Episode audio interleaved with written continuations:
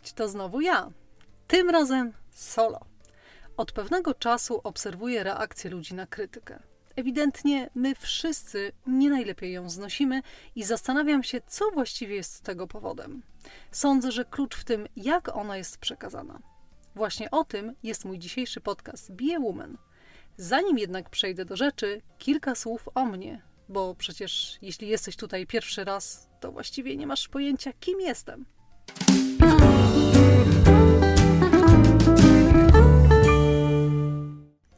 Nazywam się Magdalena Radomska, a to jest mój podcast Be a Woman. Opowiadam w nim krótko i życiowo o rozwoju osobistym. A co to właściwie znaczy? Już wyjaśniam. Dowiesz się więcej o tym, czy naprawdę możesz wszystko. Posłuchasz, jak inni radzą sobie z dużymi zmianami w życiu prywatnym i zawodowym. Podpowiem, jak pracować nad samooceną oraz wewnętrzną harmonią. Poruszę tematy kreowania wizerunku i troski o Twoją kobiecość. Wisienką na torcie są relacje damsko-męskie. Zapraszam!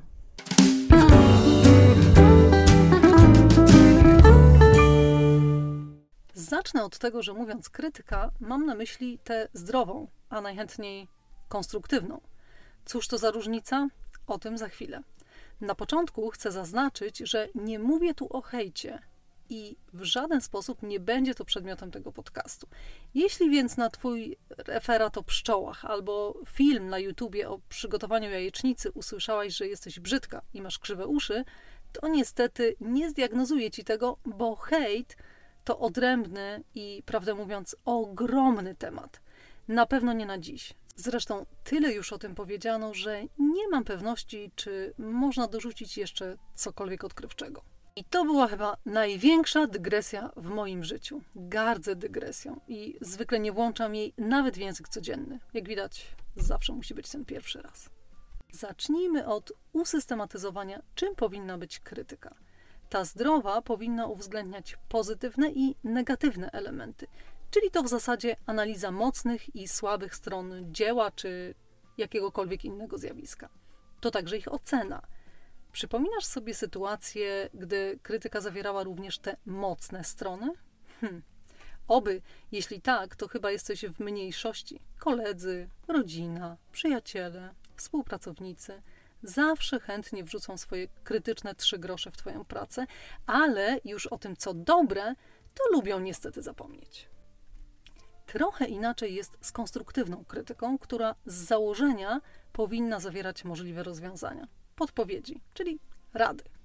Gdyby się tak nad tym solidniej zastanowić, to rodzina chyba najczęściej stosuje tę konstruktywną, bo przecież mówią: Nie możesz tak robić, to głupie, niewłaściwe, nieodpowiedzialne. Ja na Twoim miejscu zrobiłabym tak. I tu pada kluczowa rada, często życiowa. Nic tylko stosować.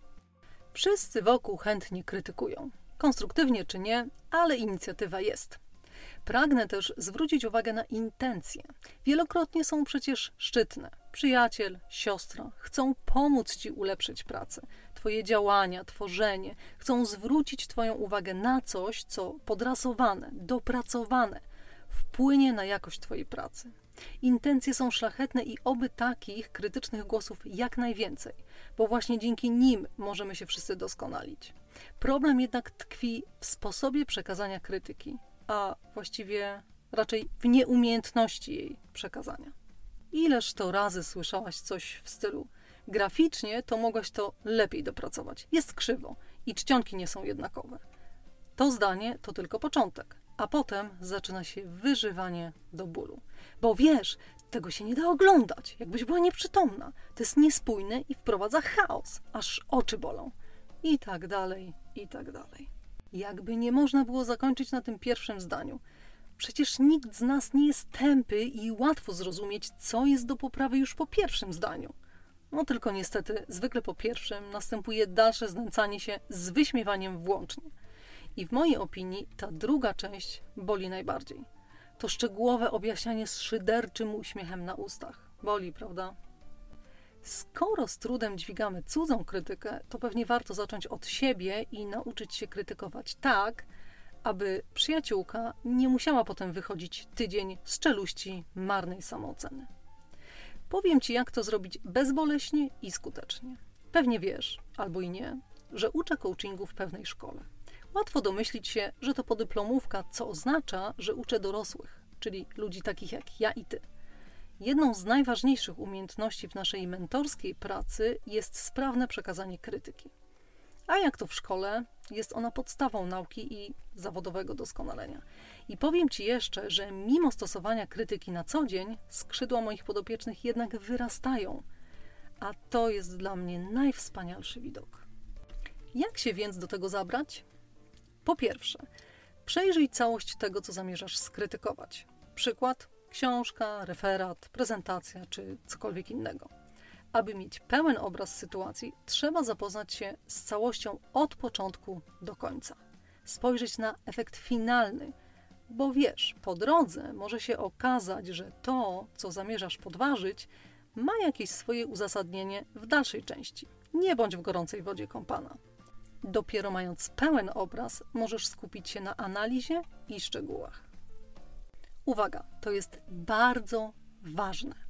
Zacznij omawianie od wyszczególnienia mocnych stron.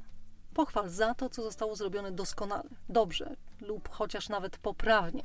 Tych punktów powinno być kilka. Nie, że jeden i już, hej, a do krytyki. Wybierz kilka mocnych. Najlepiej wysil się i wyodrębnij wszystko to, co do ciebie przemawia i uważasz za dobrą robotę. Podczas analizy mocnych stron używaj słów uprzejmych i pełnych energii. Na przykład wspaniale, doskonale, świetnie, profesjonalnie, zawodowo, godne podziwu, uznania, zachwycające, piękne, przykuwające uwagę, interesujące i tym podobnych. Dopiero teraz skup się na tym, co powinno być poprawione, ulepszone, inaczej wykonane, czyli na tym, co Twoim zdaniem wymaga pracy, zmiany czy nawet usunięcia. Wyszczególniając te elementy, uzasadnij krótko swoją opinię, ale nie roztaczaj nad tym wielkiej rozprawy. Jeśli znasz rozwiązanie, to powiedz, jak to zmienić. Jeśli nie znasz, zasugeruj, gdzie można znaleźć takie informacje lub inspirację godną uwagi. Pamiętaj, krótko. Zakończ krytykę uznaniem nad tym, co zrobiło na tobie największe wrażenie. A więc nad mocnymi stronami, o których już wcześniej co prawda wspominałaś. Oczywiście nie musisz tego omawiać od początku, ale zakończ kilkoma najmocniejszymi elementami. Chodzi o to, aby krytykowana osoba wyszła z tej rozmowy nie tylko z twarzą, ale też podbudowana. I to jest wszystko teoria ale nie byłabym sobą, gdybym nie przełożyła tego na praktykę, czyli będzie przykład.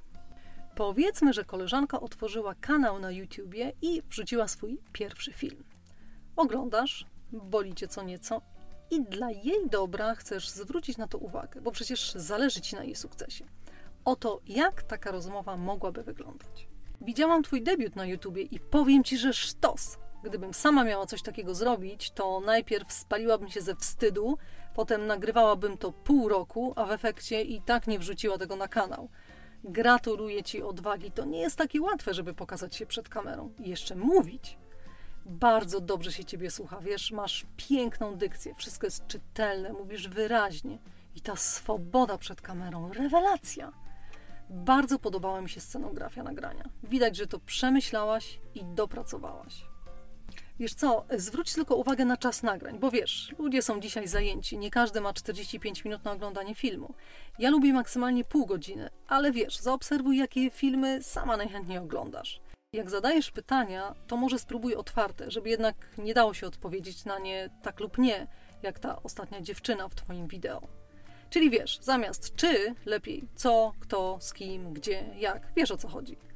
Pomyśl też o tym, czy nie dodać trochę dynamiki w obrazie. Wiesz, jacy ludzie są dzisiaj wymagający. Już nawet w filmach przyspieszają tempo, że sama czasem nie nadążam. Ale jednak taka jest tendencja. Generalnie powiem Ci, że Twój kanał ma ogromny potencjał. Cierpliwości i zobaczysz, zawojujesz rynek. I ta swoboda przed kamerą. Ach, super. Wspaniale, że działasz i realizujesz swoje koncepcje. Trzymam mocno kciuki. To oczywiście tylko przykład. W konkretnym przypadku będziesz mieć własne argumenty i opinie. Spróbuj i szybko przekonasz się, że taka forma wyrażania krytyki jest znacznie łagodniejsza do udźwignięcia. A jeśli uważasz, że ktoś z swoich bliskich powinien się tego nauczyć, użyj fortelu. Podeślij link do tego odcinka albo nawet do całego podcastu z krótką adnotacją, że ciekawe i warte posłuchania. Przecież nie powiesz, nie umiesz krytykować, słuchaj i ucz się. Byłoby to przecież wbrew wszystkim tym zasadom, o których wcześniej wspomniałam. W tym wypadku podstęp jest znacznie lepszą drogą. Życzę Ci zatem konstruktywnej krytyki, tej pięknie podanej i łagodnie odebranej. Trzymaj się. Do usłyszenia za dwa tygodnie.